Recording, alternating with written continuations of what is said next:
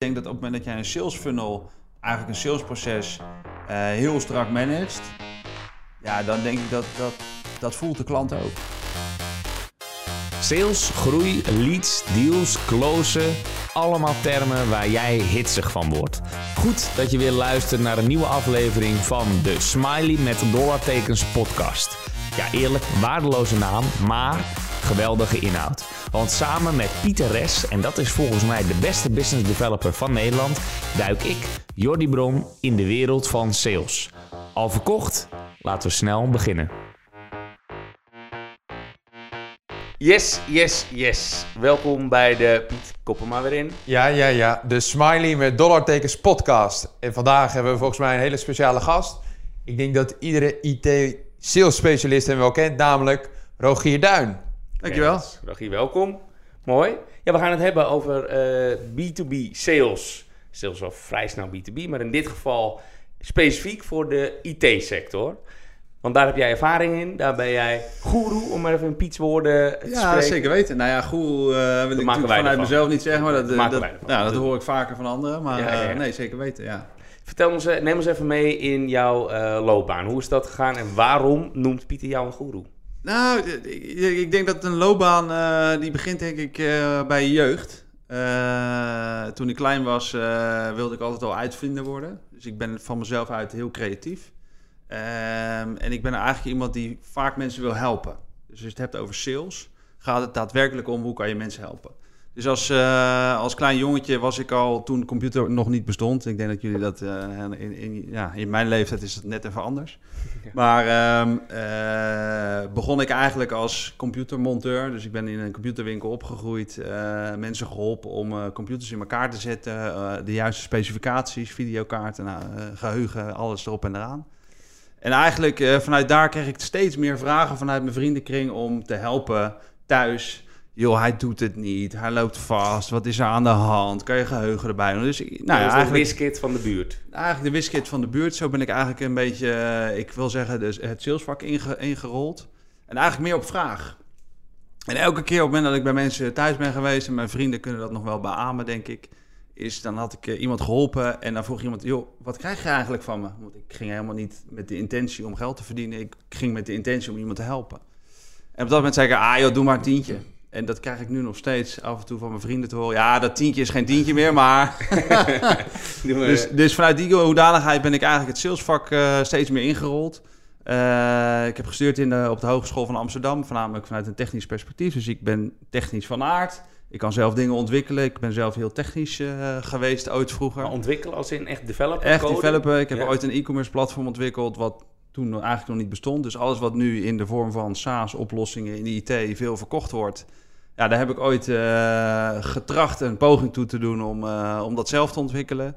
Uh, ik weet niet of jullie Greets kennen. Ja, uh, kaarten. Oh, ja, ja, de, kaarten. de, kaarten versturen. En ik, vroeger heb ik eigenlijk een platform ontwikkeld dat heette Posthuis. Dus wij verstuurden fysieke kaarten vanuit een digitaal perspectief. Dus mensen konden online een kaartje bestellen en thuis laten bezorgen. Voor, voordat Greets er was? Voor, nou ja, eigenlijk tegelijkertijd. En okay. dat is denk ik ook de, nou ja, de, de, de wereld waarin uh, venture capital of vreemd kapitaal uh, er toen eigenlijk nog niet was. Uh, dus daar ben ik heel hard mee op mijn uh, plaat gegaan. Ja. Veel geld mee uh, verloren eigenlijk ook. Dus we hadden heel veel geïnvesteerd om dat, om dat neer te zetten vanuit eigen vermogen met de bank. en toen kwam Greets en de volgende dag kwam Post, PostNL ook met kaartje versturen. Voor, ik weet niet hoe ze dat toen noemden. Dus vanuit die hoedanigheid steeds meer aan de ondernemende kant gezeten van, ehm, van sales. veel gedaan ook in de ontwikkeling dus van nieuwe concepten. En vanuit dat ondernemende wilde ik op een gegeven moment ook iets meer doen met... hé, hey, maar hoe kan ik nou zorgen dat ik wat meer body krijg... en wat meer ga snappen van... Hè, wat voorheen was het meer het MKB-segment... hoe kan ik nou meer het grootzakelijke gaan doen? Dus toen ben ik uh, aan de slag gegaan bij, uh, bij VLC... Uh, wat nu in Centro is overigens. Um, en daar heb ik eigenlijk heel veel geleerd. Daar heb ik met heel veel klanten contact gehad. Nou ja, PostNL staat natuurlijk ook op mijn cv. Heb ik heel lang gezeten, leuke club veel mensen leren kennen. Um, en eigenlijk meer vanuit de inhoud mensen gaan helpen. En vervolgens wat meer de, de markt ingegaan en commerciële ja. activiteiten gedaan. Ja, ik wil vragen bij PostNL, zat je toen op een kaartenafdeling of uh, had je die expertise niet meegenomen? Nee, die, nee, nee, die heb ik toen niet meegenomen. Eh, ik runde eigenlijk de hele onli- het online team. Dus ik was bezig met alle online activiteiten. We hebben de TPG-post naar PostNL eh transitie meegemaakt. Dat zijn leuke tijden. Ja. Eh, veel kunnen leren op technisch vlak. Hè. Dus toen waren de IT-systemen niet zoals ze nu zijn. Ehm, en ook heel veel mensen daar leren kennen. En vervolgens ben ik steeds meer de organisatie van, eh van Incentro ingerold. Eh, en daar commerciële activiteiten eh, opgetuigd. Eh, waarbij ik altijd wel de ondernemende geest in me hou is... hoe kan ik een klant nou op de juiste manier helpen? Wat heb ik daarvoor nodig? Welke technologie? Hè? Jullie werken daar ook mee. Welke SaaS-producten hebben we nodig om, om die klant daadwerkelijk te helpen in zijn businessdoelstellingen? Ja. En Ja. Welke, welke periode was dit? Hoeveel, hoeveel tijd geleden? Ja, de, in, in totaliteit denk ik een kleine tien jaar geleden eh, ben ik dit een beetje zo, eh 10, 15 jaar geleden denk ik. Eh, is dat in, in die VLC-tijd naar Incentro gegaan, heb ik bij PostNL veel gedaan. Ben ik directeur geweest van een van die vestigingen. En ben ik eigenlijk doorgegroeid in die organisatie. Toen ben ik ook even weg geweest. Ehm, eh, naar een bedrijf in, eh, in Hilversum overigens.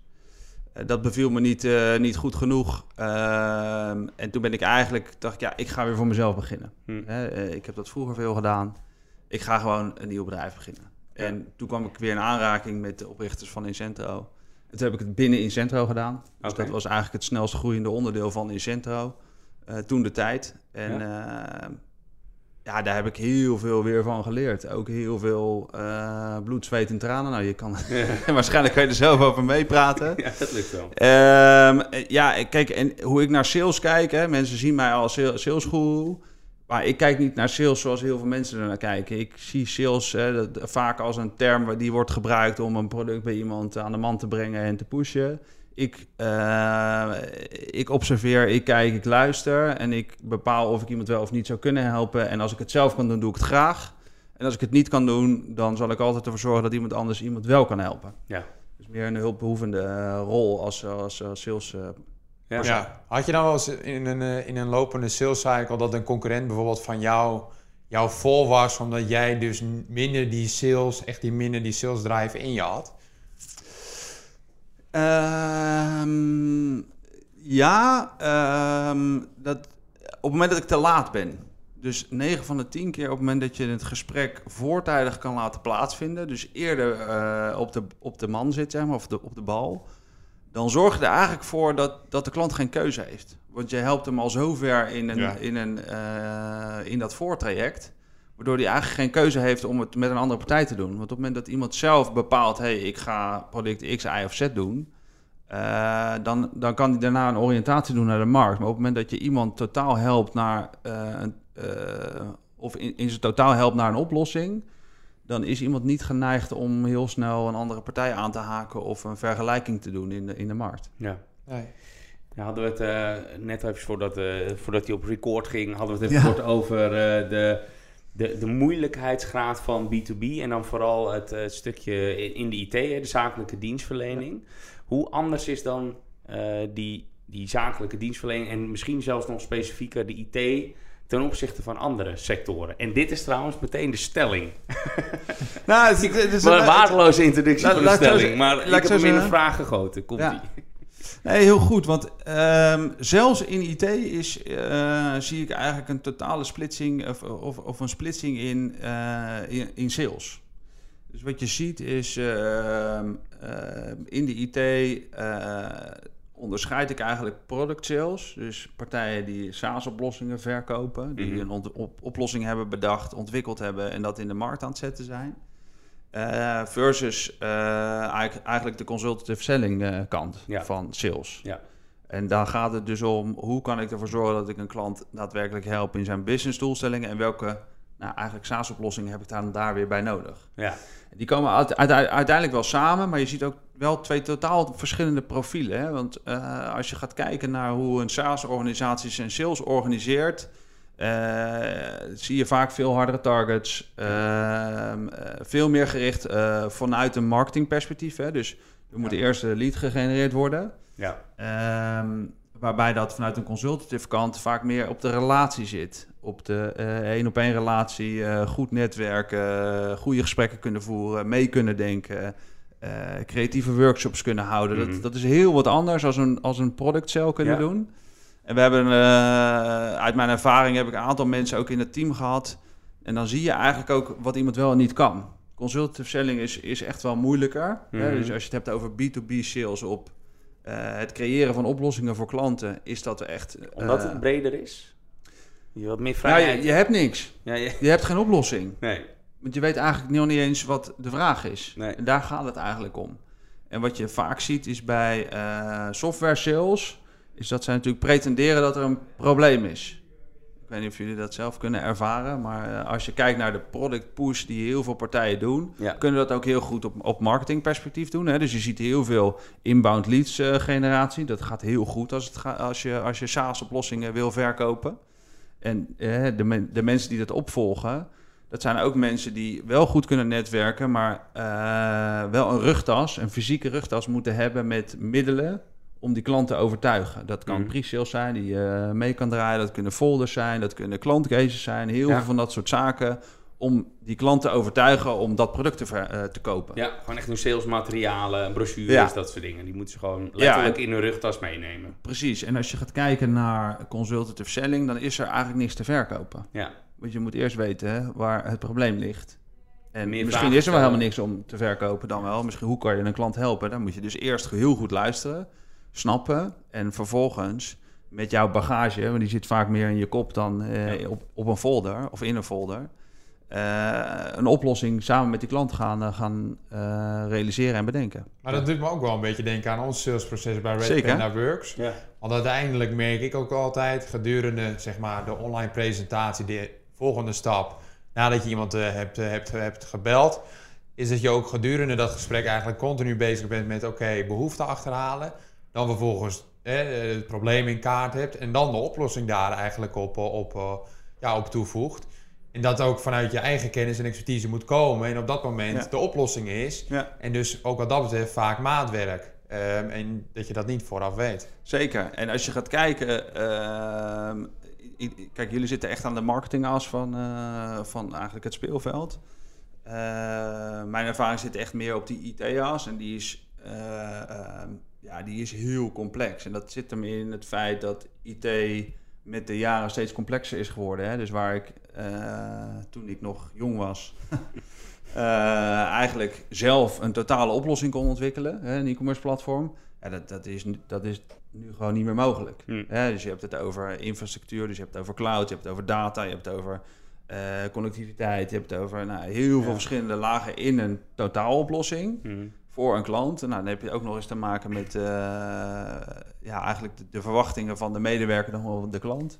Dus het, het is veel complexer geworden, dat landschap. Ehm, ja, en als je gaat kijken naar hoe kan je een klant...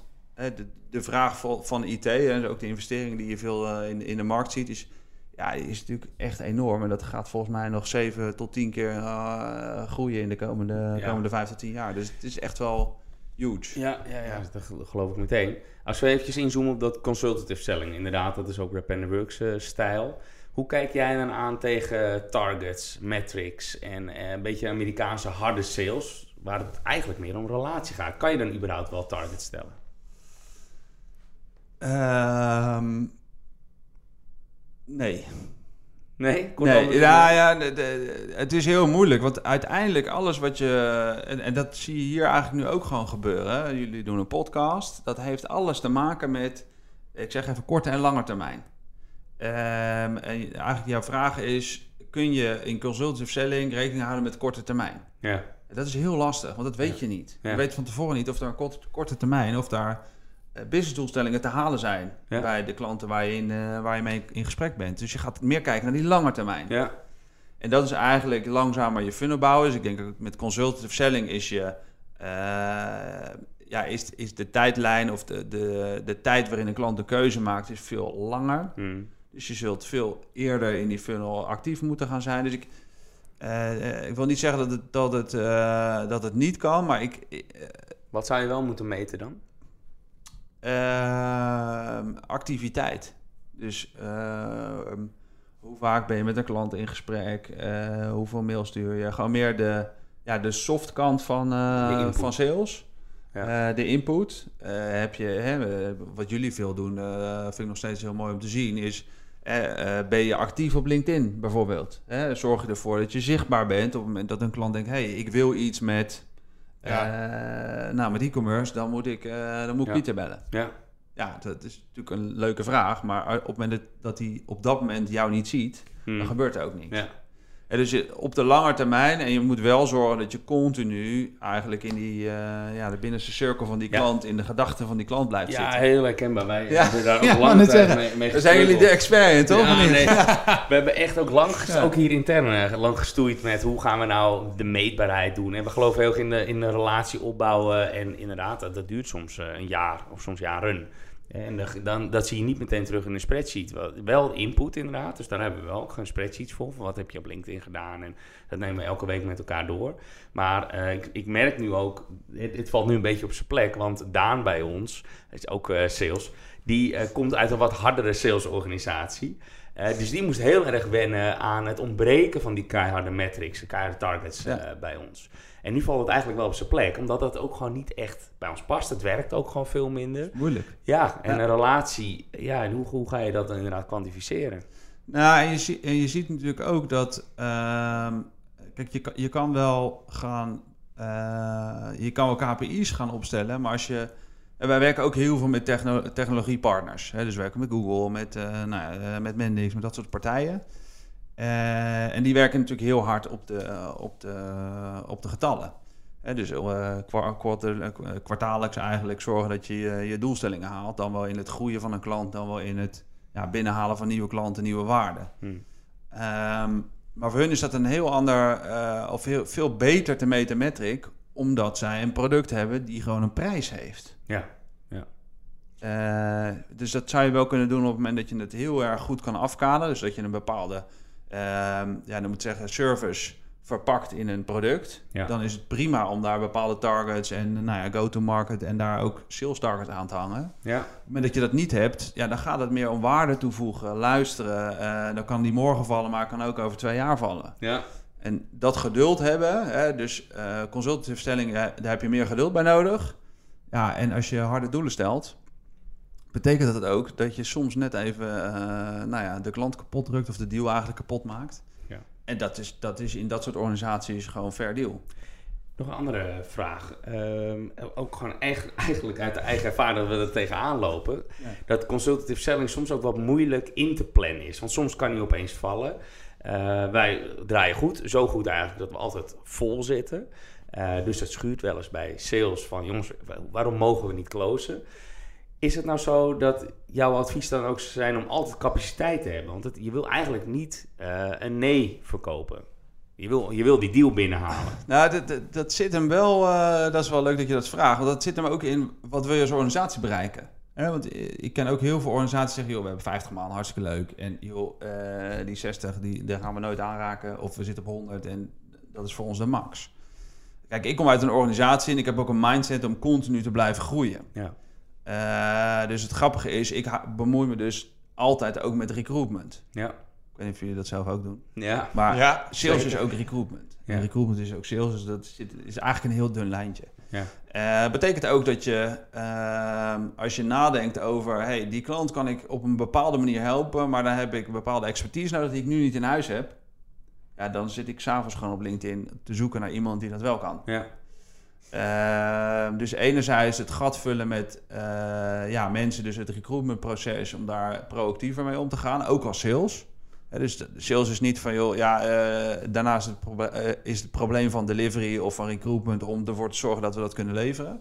Ik denk dat het een, ja, een gezamenlijke effort zou moeten zijn. Ehm, ik zit even te denken, wat wilde ik daar nou bij zeggen? Dus je, je moet oppassen dat je... ik ben altijd gewend meer mensen eh, beschikbaar te hebben, altijd, Ja. om ook te kunnen leveren, maar ook om te kunnen innoveren en dingen te veranderen en, Ja. en nieuwe dingen te ontplooien met je klanten. Hè. Dus om meerwaarde voor je klant te bieden, zonder daar direct een factuur tegenover te stellen. Ja. Eh, nieuwe kennis eh, beschikbaar te stellen, eigenlijk wat jullie nu hier ook doen, kost ook tijd, levert ook, nou ja, misschien nu, morgen Ja. geen euro op, Nee. maar je doet het wel. Ja. Eh, Dat doe je omdat je eigenlijk mensen die jullie weer kennen en die in jullie circle zitten, eh, meer informatie wil verschaffen over hoe je sales moet doen. Ja, maar dat is wel grappig hoe jij volgens mij hier terecht bent gekomen. Want volgens mij was jij bij ons webinar. En Ja. toen ben ik jou gaan bellen. En toen had ik jou al geluisterd bij de podcast. Toen dacht ik, ja, volgens mij, eh, ja, nou in dit geval, ja, je, hebt gewoon een goed verhaal. Rogier, kom gewoon eens een keer langs. Ja, en nu sta je hier. dus, is dat, de, Ja. dus is dat zeg maar de vierde touchpoint in de, in de, in de sales funnel. Ja. Maar je zit hier wel. Ja. Ja, en kijk, eh, onze intentie is niet om direct inderdaad een, eh, een deal te closen. Want wat Jordi ook al zegt, ja, dat kunnen we niet eens. Maar we hopen wel inderdaad we top, dat, we, dat we top of mind bij hebben. Ja, je weet nooit hoe het loopt. Dus ik- het is inderdaad nu niet, niet direct, maar wel indirect. En eh, ja, de- de- de- geen korte klap. Het is niet dat we aan de bel eh, ringelen van we hebben weer een nieuwe klant. Ja. Eh, ja, Ja, ik zeg altijd eh, tegen de mensen die, eh, die sales doen om mij heen. Het allerbelangrijkste is je netwerk. Zonder netwerk ben je gewoon helemaal nergens. Ja. Dus op het moment dat jij ehm, zeg maar afhankelijk bent van je marketingactiviteiten van je organisatie als salespersoon, dan zou ik even achter je oren krabben. Ja. Want dan gaat het niet goed. Maar is in de IT het netwerk nog belangrijker dan in andere sectoren, denk je? Ja, ik, ik weet niet welke sector je dan natuurlijk Ja, op is een doelt. hè. Ik bedoel, vraag, eh, als je naar, de- naar de B2B sector kijkt, denk ik dat het 9 van de 10 keer ook wel echt op het vertrouwen zit en Ja. op de relatie. Eh, B2C kan je natuurlijk veel makkelijker, inderdaad, wel met een marketingmachine heel veel opportunities dan wel eh, deals, deals maken. Of Ja. eigenlijk verkopen doen. Geloof totaal daarom ook in, in, in onze wereld dat zo'n een funnel, want onze klanten gaan altijd helemaal goed op funnels. En dan zeggen we altijd, nou je hoort het al een beetje in mijn vraagstelling. Heel vaak eh, is, het, is het een waanbeeld dat ze zeggen, oké, ik heb even een hele goede funnel nodig en dan gaat de rest vanzelf.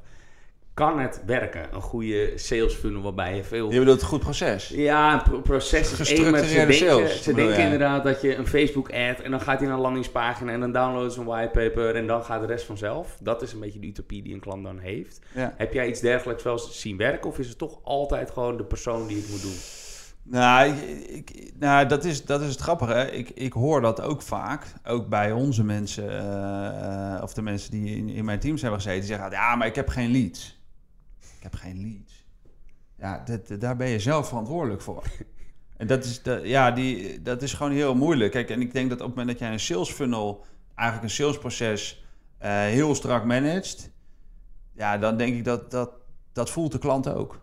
Ja. En dan gaat het niet meer over vertrouwen en gunnen. Dan gaat het over ik wil eh, sales doen, ik wil pushen en ik wil die deal closen. En Ja. oh, ik heb ook nog mijn target achter me aan. Kan je me alsjeblieft even helpen? Ja, Ja, dan, dan heeft de klant niet meer het gevoel dat hij geholpen wordt. Dan heeft hij het gevoel dat hij eigenlijk heel snel een miskoop doet. ja, ja precies. En dat, dat denk ik met... kijk, Het is hartstikke goed om dingen te structureren, eh, onder controle te houden. Helemaal op het moment dat je natuurlijk meerdere mensen eh, actief hebt. Eh, en hoe groter het wordt. Bedoel je?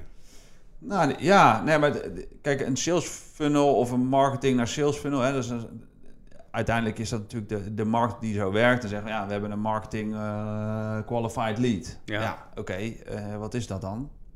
Ja, dat, Ja. daar kan je natuurlijk heel veel van vinden. Ja, Ja. Iemand heeft een keer een formulier op de website ingevuld. Ja, Maar dan is het ook weer de vraag, oké, maar wie is dat geweest? Waar is de relatie? En op het moment dat er een persoonlijke klik is met mensen binnen je organisatie en die persoon, ja, zorg dan dat in ieder geval die match gemaakt wordt. Mhm. Dus dat iemand die, dat, eh, die die relatie heeft ook naar voren wordt geschoven. En niet de salespersoon, omdat hij Ja. toevallig in het salesproces de verantwoordelijke is voor sales van, nou, noem even eh, retail. Ja, ja. Ik wil eventjes vast voorwaarts maken naar eh, het, nou ja, het eigenlijk de nabije toekomst. Klein beetje terugblikken op de COVID-periode die als het goed is achter ons ligt. Ja. Op het moment dat we live gaan, dan eh, mag ik toch hopen dat het wel echt eh, eh, klaar is. Want niet te lang meer duren hopelijk. Zeker. Ehm, hoe anders gaat het nu weer plaatsvinden ten opzichte van de laatste twee jaar? En dan bedoel ik live events, hybride, dan wel online, dan wel offline meetings. Hoe, hoe, hoe kijk jij er tegenaan? Hoe is dat veranderd?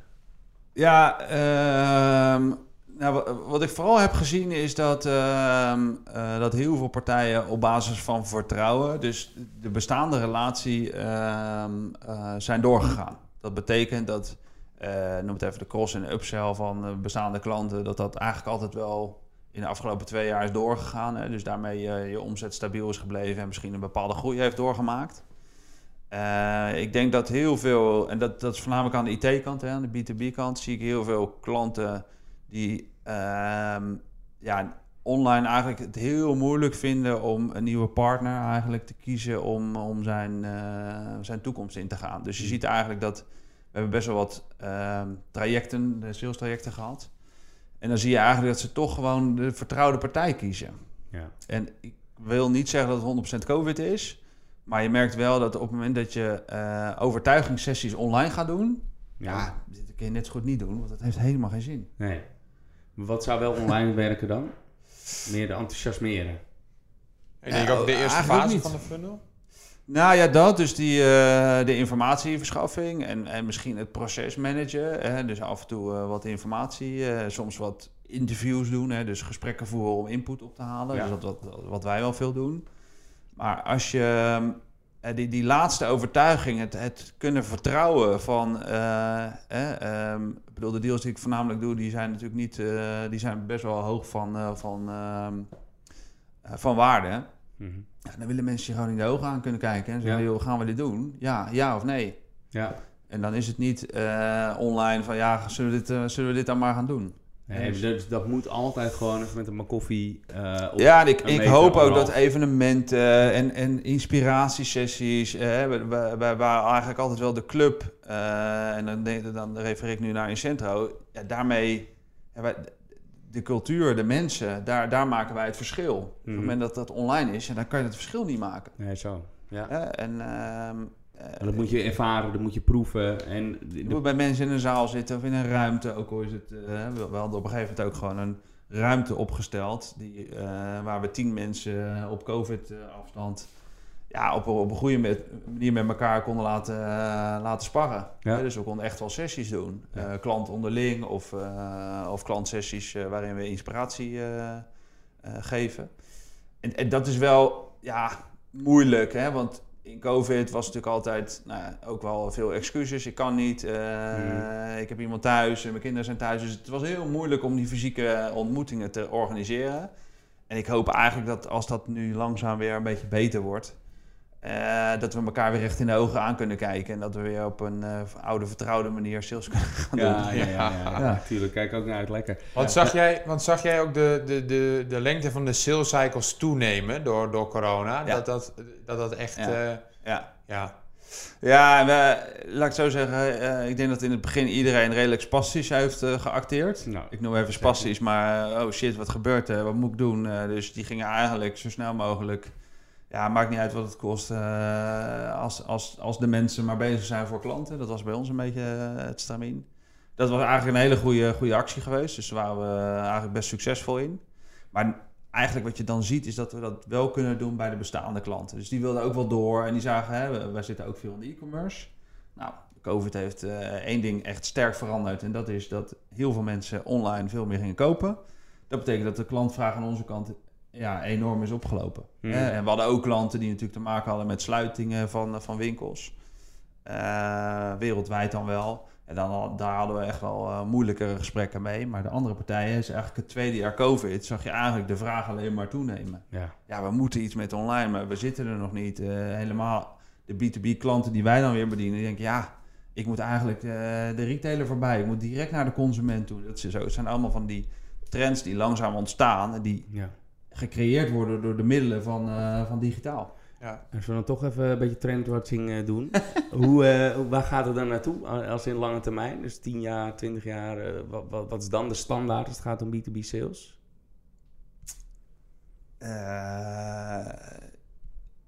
Eh, ja, dat vind ik wel moeilijke Ja, dat is een lastige vraag. Hè? Maar is het Ja, maar ik- ik- ik- digitaal ik- geworden of blijft het Maar een stukje Ik events de- en de- offline? digitaal is goed ondersteunend. Ja. Ik denk dat eh, misschien dat die ondersteuning krachtiger kan worden. En dat je eh, daar best wel wat, wat uit kan halen. Dat je daarmee tijd kan besparen. Dat je dingen wat ja, meer. eh, dus dat je meer kan doen met, met minder tijd. Maar ik verwacht eigenlijk niet dat mensen. eh, kijk naar jezelf. Als je een nieuw huis wil kopen. Ja, dan wil je ook je makelaar in de ogen aankijken. Ja. Of nou, dat, nou, misschien dat dat langzaam, als het echt een transitie wordt, hè, dus als het allemaal heel helder is en goed gecheckt kan worden en waar data misschien een rol in kan spelen, hè, want data zorgt er ook voor dat we eh, betere keuzes kunnen maken. Ja. In ieder geval, dat denken we. Ja, dat denk ik. Maar dat, dat kan wel helpen om, eh, hè, ehm, om, om keuzes eh, eerder te maken of sneller te maken. En misschien ook wel op een digitale manier te maken. maar je ziet eh, ons over tien jaar niet met een eh, virtueel headsetje. Ik hoop het niet. Nee. Maar We gaan luister, over tien jaar luister, weer wacht. Want dat is, wel, dat is wel het mooie. Jullie zijn in die zin... ja, ik ben 40. Ehm, en ik- de reden dat ik af en toe ook bij jullie inlog is... om voornamelijk ook te leren van de nieuwe generatie. En te snappen, hé, hey, maar hoe gaat die nieuwe wereld van sales er over tien jaar wel uitzien? Dus ik denk eerder dat jullie de trendsetter zijn dan dat ik dat ga zijn. Dus Ja.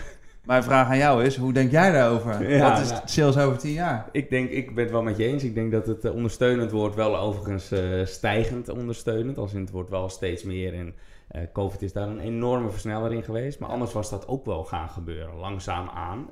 Maar nu was het geforceerd natuurlijk Ja. dat we naar Zoom, Hangouts en al die andere tools grepen. Ja, wij doen eh, toch wel heel veel digitale meetings. Ook veel webinars. Hè? De, de online versie van een, eh, van, een, van een groot event. Onze webinars hebben meestal 200, 300 eh, deelnemers. En eh, tenminste aan, aanmeldingen, niet aanwezigen. Eh, we halen overigens meer, dat is ook wel een grappig feitje tussendoor, meer uit afwezigen dan een aanwezige bij een webinar. Omdat we dan Die meteen voelen zich kunnen- schuldig dat ze niet zijn geweest. hè? geef meteen een korte samenvatting. Ja. Maar eh, oftewel online eh, eh, events, webinars, dus dat, dat werkt toch wel goed eh, voor ons. Maar het is wel, wat Piet ook net al zei, het is al top of the funnel. Hè, daarna komt wel het menselijke aspect. Eh, en dat pakken we grotendeels op digitaal. Maar nu het weer kan, vind ik het heerlijk om in de auto te stappen en om gewoon aan tafel met een bak koffie bij een klant te zitten. En dat blijft wel. Dus Ja, toch? ja, dat, dat zal over 50 jaar nog zo zijn. Ik hoop het wel. Ja, dat is zo anders. En ik denk ook, nou ja, met het feit dat ik nu ook bijvoorbeeld de LinkedIn-trainingen ga geven, dan krijg ik ook regelmatig de vraag van, kun je dit ook digitaal doen? En dan zeg ik ook expliciet van, nee, ik wil gewoon mensen in de ogen aankijken, want dat zal dan een hele andere manier van bewustwording worden en, eh, en de boodschap op dat, op hoe, dat, hoe dat wordt gedeeld.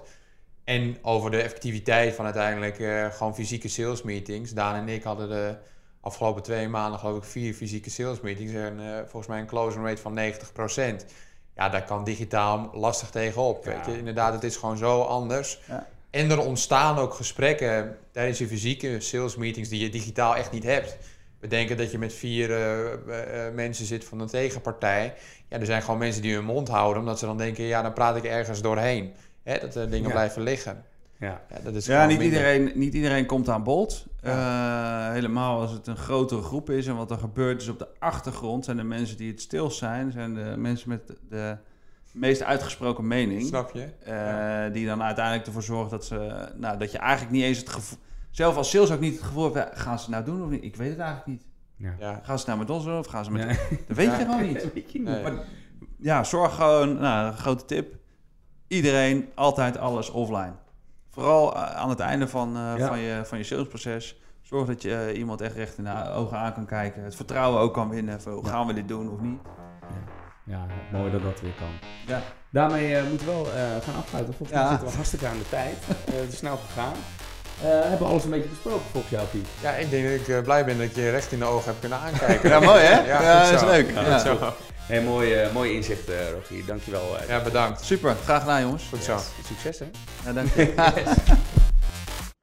Jij wordt de beste business developer en ik hoop dat onze podcast daaraan zal bijdragen. En dan wil ik gelijk een beroep op jou doen. Zou je me een plezier willen doen en een review willen achterlaten in je podcast app? Dat helpt ons om beter te worden en zo zullen we hopelijk nog meer mensen bereiken. Alvast bedankt en weer tot volgende week.